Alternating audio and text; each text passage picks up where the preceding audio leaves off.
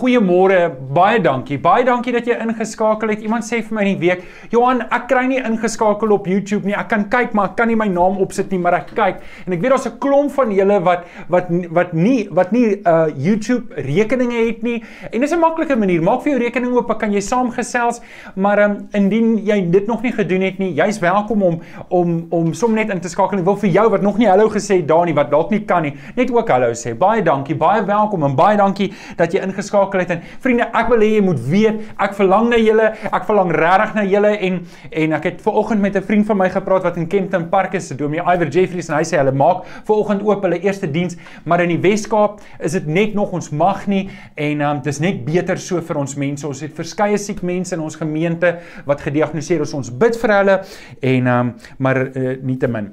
So, ons begin vanoggend met 'n nuwe reeks. Ek weet nie, begin jy ook word jy ook so gebombardeer met al hierdie WhatsApps en en op Facebook en op YouTube al hierdie video's wat vir jou sê dis nou die einde. En uh, ek het nou die dag weer 'n video gekry wat gesê het hoorie as hierdie COVID-19 inentings kom moet jy dit nie vat nie want hulle gaan ons inspuit met die met die chip wat eintlik die 666 is. En en daar's geen manier om hierdie goeders te verifieer nie en daar's geen manier om te weet of dit die waarheid is of nie. En elke ou haal 'n vers uit uit Openbaring uit aan en ek wil 'n bietjie met jou gesels oor oor spesifieke Openbaring. In die volgende paar weke gaan ons basies 'n oorsig doen oor Openbaring en ek wil vir jou uitdaag. Ek wil vir jou uitdaag om jou hart oop te maak en en om jou om om jou gedagtes oop te maak en daar kom nie te dink. En daar kom nie te dink oor Openbaring. So vir die paar volgende uh, weke gaan ons gaan ons stil staan op hierdie tema van Openbaring en ons gaan ons gaan kyk. En die reeks se naam is The Traveller's Guide, The Christian Traveller's Guide to this Broken Galaxy. En alwaar dit eintlik mag gaan is ons lewe in hierdie stikkende wêreld en en ons moet Jesus uitleef hier en en dis eintlik maar die onderliggende tema van Openbaring is hoe kan ek en jy in 'n gebroke wêreld wat ons nie goed gesind is nie, wat ons geen goeie gunste gaan doen nie, hoe kan ons Jesus uitleef en dit is die onderliggende tema in Openbaring en en vanoggend gaan ek 'n inleiding doen. So vriende, ek wil hê jy, jy moet jou jou thinking cap opsit en dit gaan 'n bietjie tegnies wees vanoggend. Die hele reeks gaan nie so tegnies wees nie of kom ons wag en kyk. Maar um, maar vir oggend gaan 'n bietjie tegnies wees want ek moet die tafel dek vir die reeks van Openbaring om vir jou bietjie agtergrond te gee. So op die vraag en ek wil dalk hiermee begin is: lewe ons nou in die eindtyd. Dit dit dis dis die hoofvraag wat ons die hele tyd kry. Lewe ons nou in die eindtyd? En die kort antwoord daarop is ja, ons lewe in die eindtyd, maar dalk nie vir die rede wat jy dink nie. Om die waarheid te sê, ons lees dat Petrus preek in Handelinge 2 vers 17 en hy sê so sal dit wees in die laaste dae. Ek sal my gees uitstort op alle mense. So wie is dit wat hier praat? Dis Petrus. En wanneer het Petrus hierdie dinge gesê? Hy het dit gesê op Pinksterdag. So wanneer is die Heilige Gees uit uitgestort. Wel, daai dag, hy het dit gepreek. So volgens Petrus, wanneer die laaste dag begin, wel toe die Heilige Gees uitgestort is. So op die vraag is lewe ons nou in die laaste dag? Ons lewe absoluut in die laaste dag. Maar dis nie omdat daar koronavirus is en omdat daar geldeenhede is wat verander is en die ekonomie in mekaar inval nie. Nee, ons lewe in die laaste dae omdat die skrif gesê het in die laaste dae sal die Heilige Gees uitgestort word. En dit het gebeur op Pinksterdag. So wat ek wil hê jy moet jou kop oopmaak wanneer iemand praat van die laaste dae, dan moet jy weet ons lewe reeds daarin en die merker daarvan is die Nuwe Testament. Ons lewe nou in die Nuwe Testamentiese tyd wat God sy seun gestuur het, Jesus Christus om aan die kruis te sterf sodat almal wat hom aanneem nie verlore sal gaan nie en, en die merker daarvan is die Heilige Gees. Die Heilige Gees bemagtig my en jou om die evangelie te verkondig. En en dit is die dit is die laaste dae waarin ons lewe. Nou, ons gaan nou 'n bietjie verder praat oor Openbaring, maar voordat ons verder lees, wil ek jou vra, maak jou Bybel op Openbaring 1 en ek weet nie of hierdie raamwerk op YouVersion is nie. Um Rian sê op YouVersion. So onder die comments description. Okay, so hierdie raamwerk is ook op YouVersion. Ons lees saam in Openbaring 1 vanaf vers 1 tot 6 en ek gaan twee verse baie spesifiek na kyk en dit gaan vir ons die twee sleutels wees waarmee ons die res van Openbaring gaan oopsluit. Okay, so ons lees in vers 1. Wat hier volg is deur Jesus Christus geopenbaar. God het die openbaring wat oor binnekort jy daai woord gesien. Ons kom terug na hom toe. Moet gebeur vir hom gegee om aan sy dienaars bekend te maak. Jesus het toe sy engel gestuur om sy dienaar Johannes dit alles te laat sien. Ons lees verder. Johannes is die getuie van wat God gesê het en wat Jesus Christus bevestig het. Hy getuig van alles wat hy gesien het. En dan lees ons verder: Geseënd is die een wat die woorde van hierdie profesie lees en die mense wat dit hoor en dit ter harte geneem het en wat daarin geskrywe staan, want want die eindtyd is en dan is dit die woord naby. Ons lees verder van Johannes, dis 'n tipiese brief. Van Johannes aan die sewe gemeentes in die provinsie Asië, genade en vrede vir julle van hom wat is en wat was en wat kom en van die sewe geeste voor sy troon. Vers 5 en van Jesus Christus die geloofwaardige getuie die eerste wat uit die dood uit opgestaan het die heerser oor die konings van die aarde uit liefde vir ons het hy ons deur sy bloed van ons sondes verlos en ons sy koninkryk gemaak priesters elkeen van ons is priesters vir God sy Vader aan hom behoort die heerlikheid en die krag tot in alle ewigheid. Nou, ek wil hê jy moet gou-gou net weer kyk na vers 1 saam met my in jou Bybel. Vers 1 sê hierdie woorde: Want hier wat hier volg is deur Jesus Christus geopenbaar.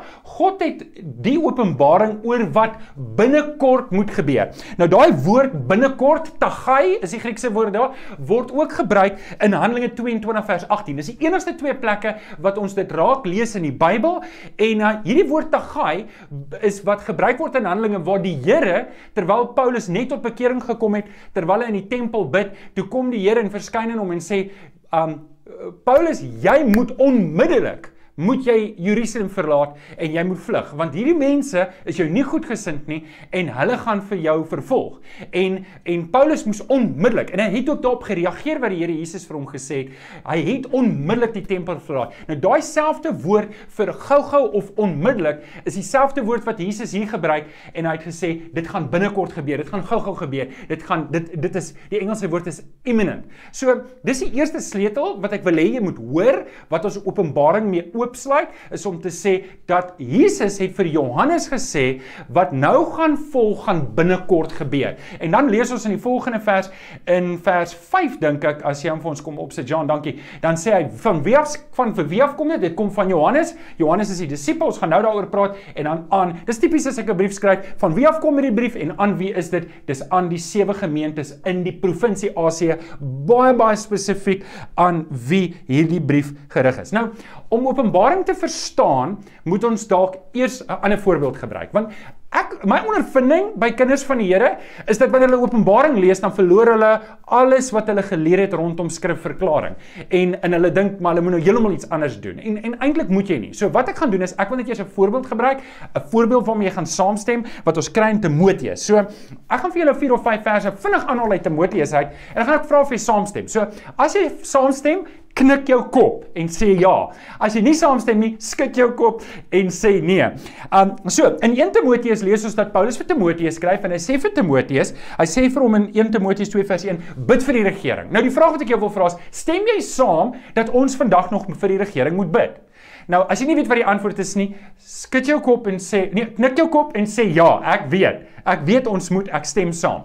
OK, die volgende ene is in 2 vers 8 wat Paulus sê vir Timoteus, die mans moet met 'n skoon gewete bid. Is dit steeds vandag van toepassing? Wat? Knik jou kop en sê ja, dit is vandag nog van toepassing. In 2 vers 8 en 4 vers 14 lees ons dat hy sê Timoteus, jy moenie die genadegawe wat God aan jou gegee het verwaarloos nie. Is dit vandag nog van toepassing? Nik jou kop en sê, ja, ons moet dit nog steeds nie doen nie. 6 vers 8 sê dat as ons kos en klere het, moet ons daarmee tevrede wees. Is dit steeds van toepassing vandag? Absoluut. Dis alles van toepassing. Maar hier is die vraag.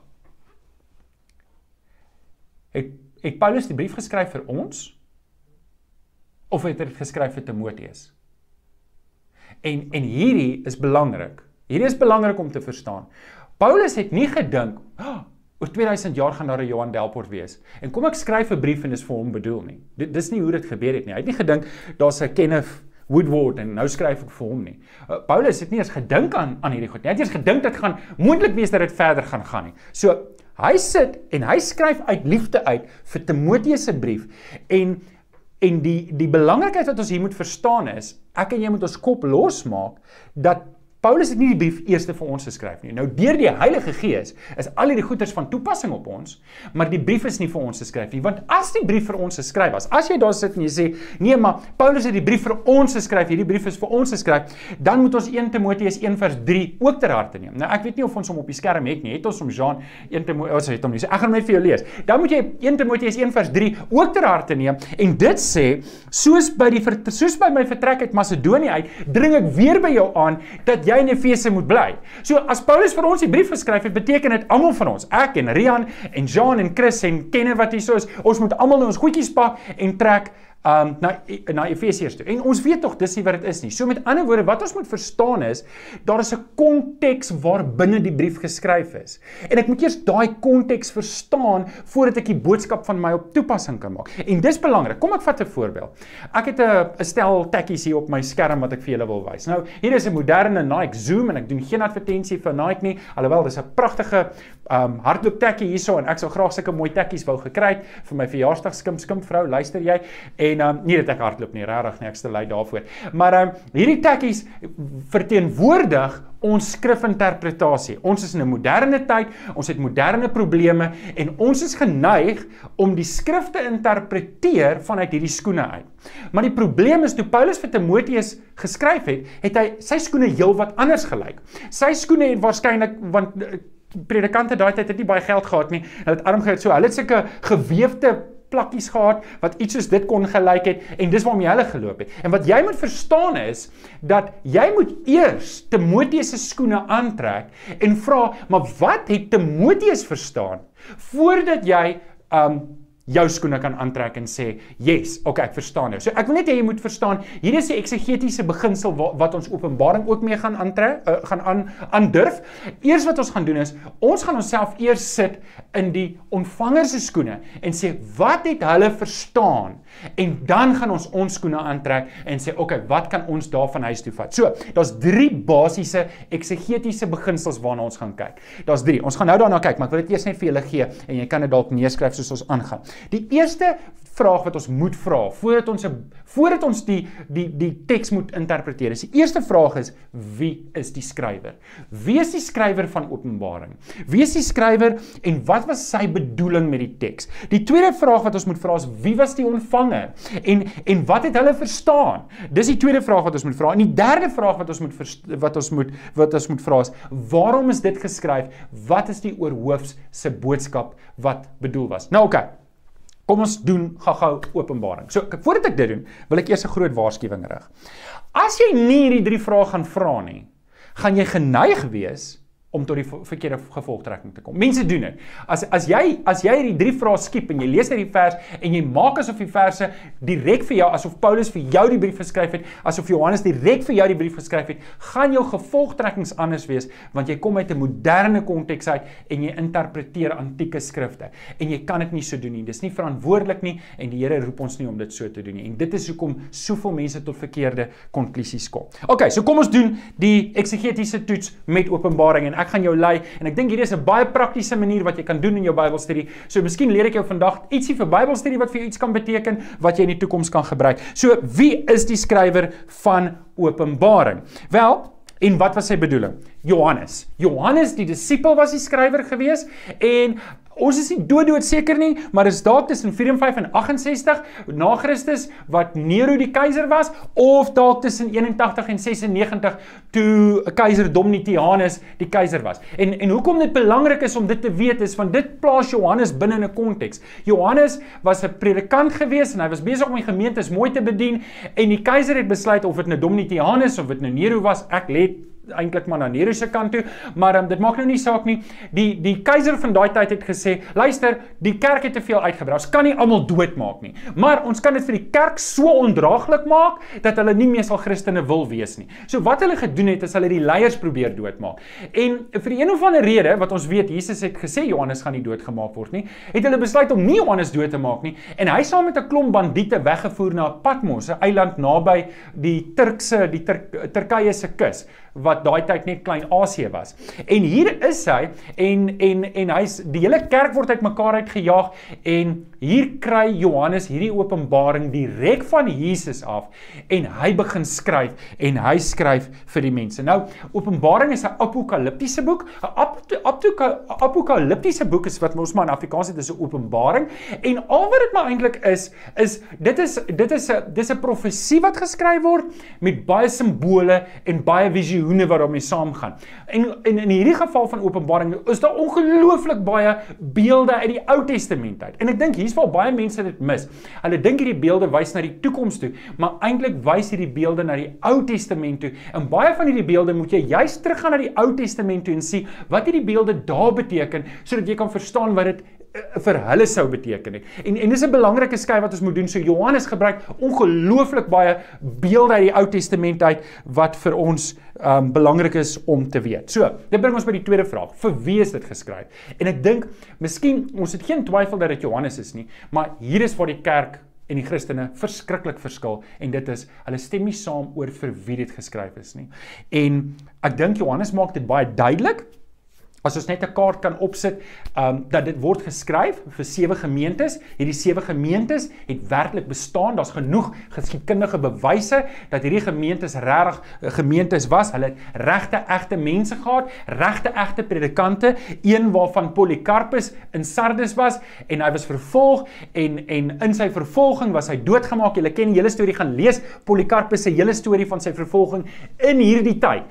In hierdie tyd is Polycarpus vermoor vir sy geloof weer eens omdat die keiser gesê as ek die predikant as ek die leiers kan doodmaak, dan gaan dan gaan um dan gaan die kerk uitmekaar uitspat. Natuurlik het dit heeltemal die teenoorgestelde effek gehad. Hoe meer leiers hulle probeer doodmaak het, hoe meer het daar leiers opgestaan en vir die Here begin werk. So, weer eens wat ek en jy gaan moet doen is jy gaan jou Nike Zoom hardlooptekkies moet uittrek en jy gaan daai stowwerige sandale wat uh, Laodicea en Philadelphia en Sardes en Thyatira en Pergamum en Smyrna en Efese, jy gaan hulle plakkies moet aantrek. En miskien is dit 'n goeie idee vir hierdie reeks om dalk vir jou, soos my seun sê, socks and sandals aan te trek om jouself elke keer te herinner, ek moet eers hulle sandale aantrek voordat ek 'n boodskap uit hierdie um kan kry. sien? Um nog 'n vers wat ek net wil aanhaal. Ek weet nie of ons Openbaring 13 vers 18 het nie. Jean het ons hom. Ag, ek gaan hom vir julle lees. Skryf Openbaring 13 vers 18 lees. sien Hierdie is een van die sleutelverse in Openbaring en as jy hierdie vers as jy as jy hierdie beginsel verkeerd kry, gaan jy Openbaring 13 vers 8 verkeerd interpreteer. En dit sê wie verstand het, het die getal sal die getal kan ontsyfer. Want dit is die getal van 'n mens en sy getal is 666. Nou dis die 666. As jy nie in hulle skoene inklim en sê hulle sou verstaan het wat die 666 beteken nie dan gaan jy tot allerlei ander konklusies kom. En die, in die geskiedenis het dit gedoen en ek wil julle 'n bietjie vertel van die geskiedenis en sien dit dis wat ons vandag doen is ons trek nie ons Laodicea plakkies aan en vra luister Paulus praat met hulle en hy skryf vir hulle sê luister die van julle wat insig het sal verstaan wat hierdie 666 beteken want die merk van die dier is 'n getal van 'n mens met ander woorde hy praat eintlik hier en kan ek net gou 'n voorbeeld gee en hierdie moderne um idioom wat ek nou verduidelik probeer ek glad nie om met enige iemand te diskrediteer of enige iemand te disrespekteer nie maar ek wil net 'n voorbeeld vat van hoe konteks belangrik is as as jy 'n mannetjie in die koerant sien met 'n kaal kop en 'n stort op sy kop dan weet jy outomaties van wie ek praat want dit is in ons moderne politieke sosio-ekonomiese konteks. Ons verstaan dit. As ek as jy 'n prentjie in die koerant sien van 'n ou met 'n gesigsmasker oor sy oë, dan um, dan weet jy onmiddellik van wie ek praat en en jy weet onmiddellik van wie daai koerantberig praat. As as jy 'n prentjie sien van manne met rooi overalls en rooi hard hats wat binne in 'n uh, parlement staan, dan weet jy outomaties wie dit is. Maar ek wil net vir jou sê 2000 jaar van nou af, as daai prentjie weer sou opkom en daar's 'n mannetjie met 'n stort op sy kop, gaan gaan daai mense nie weet waarvan dit praat nie. As hulle ouens sien met rooi um oorpakke, hulle gaan nie weet wat dit is nie. As hulle ou sien met 'n gesigsmasker oor sy oë, gaan hulle nie idee het nie. En en dis wat ek en jy dis hoekom Openbaring so moeilik is om te verstaan en dit is nie omdat dit te te diep is vir ons vandag nie. Dis net die beelde het verouder en hulle het verstaan wat hierdie beelde betref en en net soos wat ons vandag ons moderne sosio-politieke ekonomiese omstandighede verstaan, so het hulle daai tyd. Dit was hulle moderne idiome en hulle sou dit verstaan het. Nou, kom ek sê gou-gou vir julle, kom ons kyk net vir 'n oomblik in ons moderne geskiedenis wat gebeur het. En julle weet dit dalk nie. Clarence Larkin het 'n boek geskryf, The Dispensational Truth, en hy het hierdie boek geskryf in 19 in die vroeë 1900s. En dit was dit was toe die wêreld 'n kookpot was. En hy het hy het hierdie boek geskryf en die boek het miljoene verkoop, want almal het geglo dis die einde van die wêreld. En hoekom het hulle geglo dis die einde van die wêreld? Want Clarence Larkin het al hierdie idiome wat in Openbaring was op hulle tyd van toepassing gemaak. En en en hulle het gesê al hierdie goeters, hulle het die 666 van toepassing gemaak. Hulle het al hierdie goeters, hulle het Hitler was hulle anti-kris en en hulle het geglo dis die einde.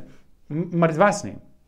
Um, kom ons gaan aan 'n paar 'n paar jaar. Tim LaHaye het in 1999 het hulle 'n boek uitgebring, die hele Left Behind series, miljoene rande gemaak en hulle het ook gewys min of meer hoe die tekens van die tye en hoe al hierdie goeters inspeel en en en dit was nie gesê nie, maar die voorspelling was die jaar 2000 is die einde, dan gaan dit die wederkoms wees. Onthou julle hoe ons stofsuiers gekoop het omdat dit nie Y2K compatible was nie. Want jou toaster moes gegaan het want die ding kan moontlik ontplof as dit die jaar 2000 is. Dit was belaglik eintlik, maar uh, was anders so. So, dit was die Left Behind series. En nou is ons weer daar. Ons is weer daar dat mense vat hierdie idiome uit Openbaring uit en maak dit van toepassing. En nou word arme Bill Gates word blameer dat hy gaan ons inspuit met 'n chip wat 666 op het.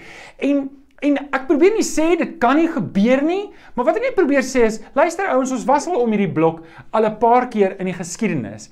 En en ek wil nie ons moet op 'n plek kom dat ons goed glo En dieselfde mense wat ons wil wen vir Jesus dink ons is van ons koppe af en ons is mal want ons glo enige ding wat vir ons gesê word nie. So dis eintlik wat ek net hier wil hê. Ek, ek wil ek wil 'n bietjie verder teruggaan in die geskiedenis.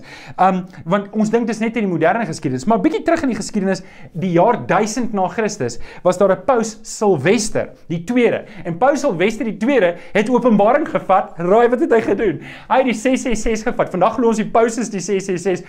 Die paus het daai tyd die 666 gevat en hy het vinger gewys na die regering van die dag en hy het gesê die einde is hier. En dis nie net Paus Silvester nie, dis Paus Innocent ook. Nou ek sê dis ek 'n Paus onskuldig. Ek weet nie wat om hom te noem nie.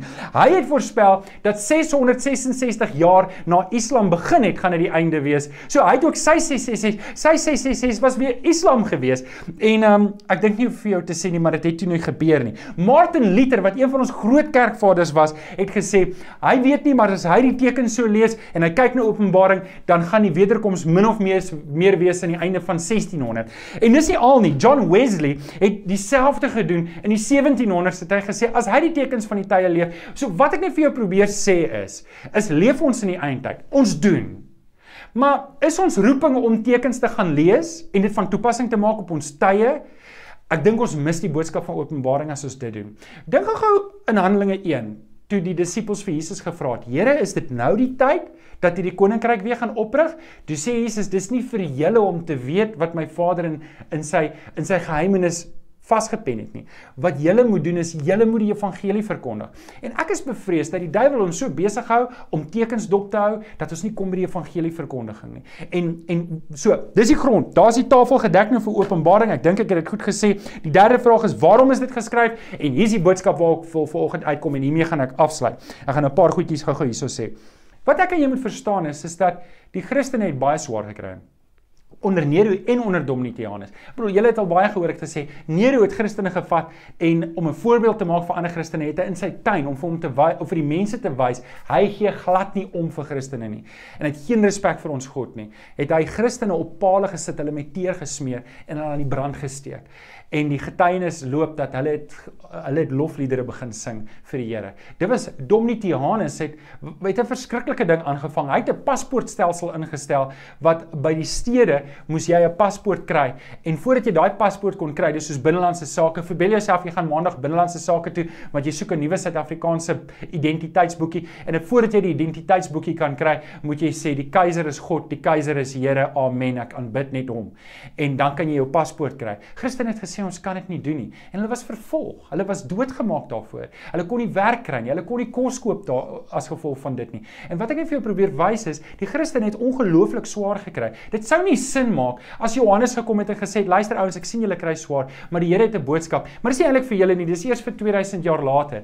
Ek wil hê jy moet jou hart oopmaak dat Openbaring die mense in daardie tyd, daardie sewe gemeentes het verstaan waaroor dit gaan. En as ek en jy daai stowwerige plakkies kan aantrek wat hulle aangehaat het en ons lees Openbaring vanuit hulle, dan gaan ons die werklike boodskap kry. Dan gaan ons by die goud uitkom. En dan gaan ons nie so besig wees om tekens te soek en allerlei goeders probeer lyne trek van Openbaring na wat in die land gebeur nie, maar dan gaan ons baie meer toegerus wees om die evangelie te verkondig. Nou, Ek wil jou nou huis toe stuur. Ek wil jou nou huis toe stuur en ek wil vir jou drie goedjies stuur. Want jy's klaar by die huis, maar ek wil vir jou drie goedjies gee vir om te verstaan van hierdie gemeente wat van toepassing is op ons ook. Ons het nou ons stowwerige skoene aangetrek vir oggend en ons het gevra, maar kom ons kyk net weer wie was hierdie gemeente. Daar was mense in hierdie gemeente wat besluit het net die pryse is te hoog. Die pryse is te hoog. Ek kan nie ek kan nie vir my kinders sorg nie. Ek gaan daar by die tempel staan en ek gaan sê Dominitianus is Here, hy is God, sodat ek my paspoort kan kry, sodat ek kan gaan werk, sodat ek geld kan bring. Daar's kinders van die Here wat dit gedoen het, ongelukkig. Daar's baie mense wat eenvoudig geknak het onder die druk. Daar's baie mense wat lief geraak het vir die wêreld gesê, ek gaan nie arm wees vir my geloof nie. Ek gaan liewer hierdie goeders doen sodat ek kan deel hê dat ek kan rykdom kry. Daar was daar was algemene morele agteruitgang. Daar was daar was gelowiges wat so ryk was wat hierdie paspoort kon gaan koop het. Hulle kon dit kan koop het, so hulle het nie nodig gehad om dit te doen nie en dit het hulle baie leksie duisikel gemaak daaroor. Maar daar was daar ander gelowiges wat regtig vervolg was. En ek weet nie waar jy ver oggend is nie. Hier's drie goedjies wat ek en jy kan huis toe vat vir oggend. Die eerste ding en ek noem dit ons oorlewingsgids om deur hierdie moeilike tye te kom. Die eerste ding wat ek en jy moet huis toe vat is ons lewe in 'n stikkende, stikkende wêreld. In Openbaring 17 vers 1 tot 2 lees ons dit ook. Toe het een van die sewe engele van die sewe bakke gekom het gekom en met my gepraat. Kom het hy gesê, ek sal jou wys hoe die oordeel vertrek sal word oor die berigte seerlose vrou wat by haar waters wat by die waters bly. Nou ek gaan daai vers later aan hanteer, maar ek wil net ietsie sê. So hier was hierdie vrou wat verteenwoordig het die hele ekonomiese mag wat die mense in hulle amper hulle in hulle 'n hou vas gehad het en die Christene moes kies of ek dien God of ek dien hierdie sedelose vrou. En en en en ek en jy moet verstaan, ek en jy lewe nog steeds in so 'n wêreld waar geld die mag het en ek en jy moet versigtig wees dat geld nie die oorhand kry in ons lewe nie. In Matteus 24 vers 12 lees ons dat die mense wat boos doen, sal nog meer bose dinge doen en die mense wat kwaad doen, sal van kwaad na erger gaan. En dis die tyd waarin ons lewe. Niks het verander van Openbaring se tyd tot nou toe nie. Daai is nog steeds dieselfde en dit bring ons by 'n groot waarskuwing in 1 Johannes 2 vers 15. En hier is van toepassing op my en jou. Moenie hierdie sondige wêreld lief hê nie. Ouens, ons moenie geld lief hê nie. Ons moenie geld najag nie. Ons moenie gierig raak in in hierdie wêreld ons wortels so diep skep insink nie, want dis presies waarmee hierdie gelowiges geworstel het. Die tweede ding wat ons moet huis toe vat vir oggend en dit is ons moet in alles vashou aan Jesus. In Openbaring 3 vers 3 eh, vers 4 lees ons van die gemeente in Sardes, maar julle het daarom 'n paar mense daar in Sardes wat nie hulle klere besoedel het nie en sal altyd hulle wit klere by my wees omdat hulle dit waardig is. sien julle ek het 'n mooi wit hemp aangetrek juis vir hierdie vers wat ek ver oggend gelees het om te sê hierdie wit hemp moet ek mooi skoon hou.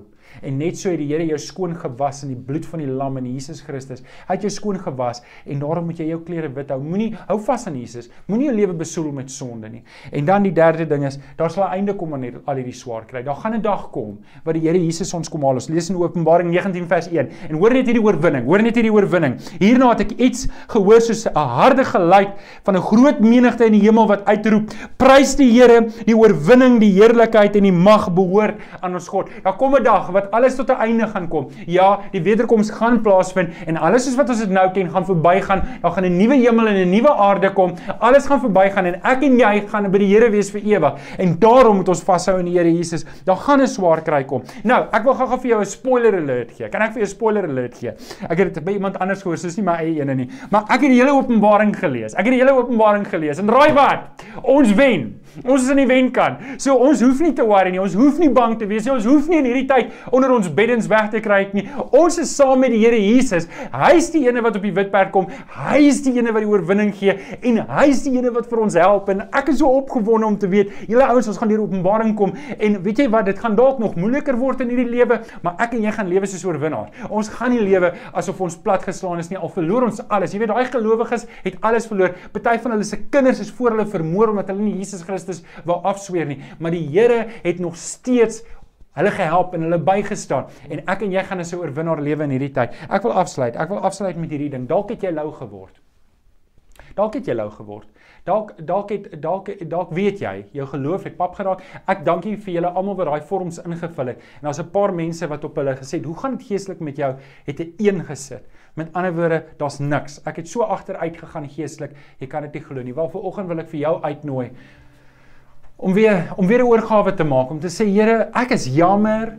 Ek is jammer dat ek U verraai het. Ek is jammer dat ek so ver teruggesak het.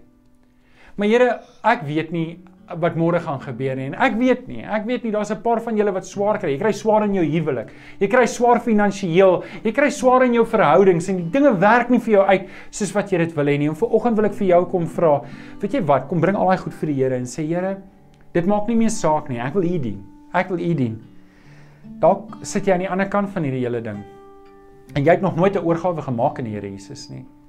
Jy jy jy sit dalk nog op die kantlyn en jy het nog glad nie 'n oorgawe gemaak nie. Vanoggend wil ek jou vra, wil jy nie wil jy nie 'n oorgawe maak aan die Here Jesus nie? Wil jy nie na die Here toe kom en sê Here, ek is 'n sondaar, ek het my hele lewe lank sondig. Ek verdien nie hel. Ek verdien dit om verlore te gaan. Maar ek herbeleef u genade vanoggend. En ek beleef dat Jesus vir my aan die kruis gesterf het. En ek wil deel wees. Ek wil hierdie redding aanvaar en ek wil my lewe oorgee vir die Here Jesus en my rug draai op my ou lewe. Maak nie saak wie is nie. Ek wil vir oggend vir jou bid en ek wil vra dat jy daardie gebed sal doen in oorgawe. Kom ons sluit die oë, dan bid ons saam. Vader, ek kom dankie dat ons vir oggend hierdie belangrike belangrike boodskap kan kry. Here om te weet 2000 jaar terug was daar gelowiges wat net so deur omstandighede gegaan het soos wat ons deur dit gaan. En Here, hulle was nie alleen nie. Al het dit swaar gegaan, was U by hulle. En U het 'n woord vir hulle gehad, U het 'n boodskap vir hulle gehad. En en U het U het Johannes gestuur om vir hulle aan te moedig. En Here, ek is ver oggend het ek die voorreg om om om om ons gemeente aan te moedig en ek kom vra vir oggend Here, ag kom raak ons aan. Kom seën vir ons. Here, U weet wie moet 'n oorgawe maak. Kom raak hulle aan en oortuig hulle deur die Heilige Gees dat U wil vir hulle red. Ons bid dit in Jesus naam. Amen.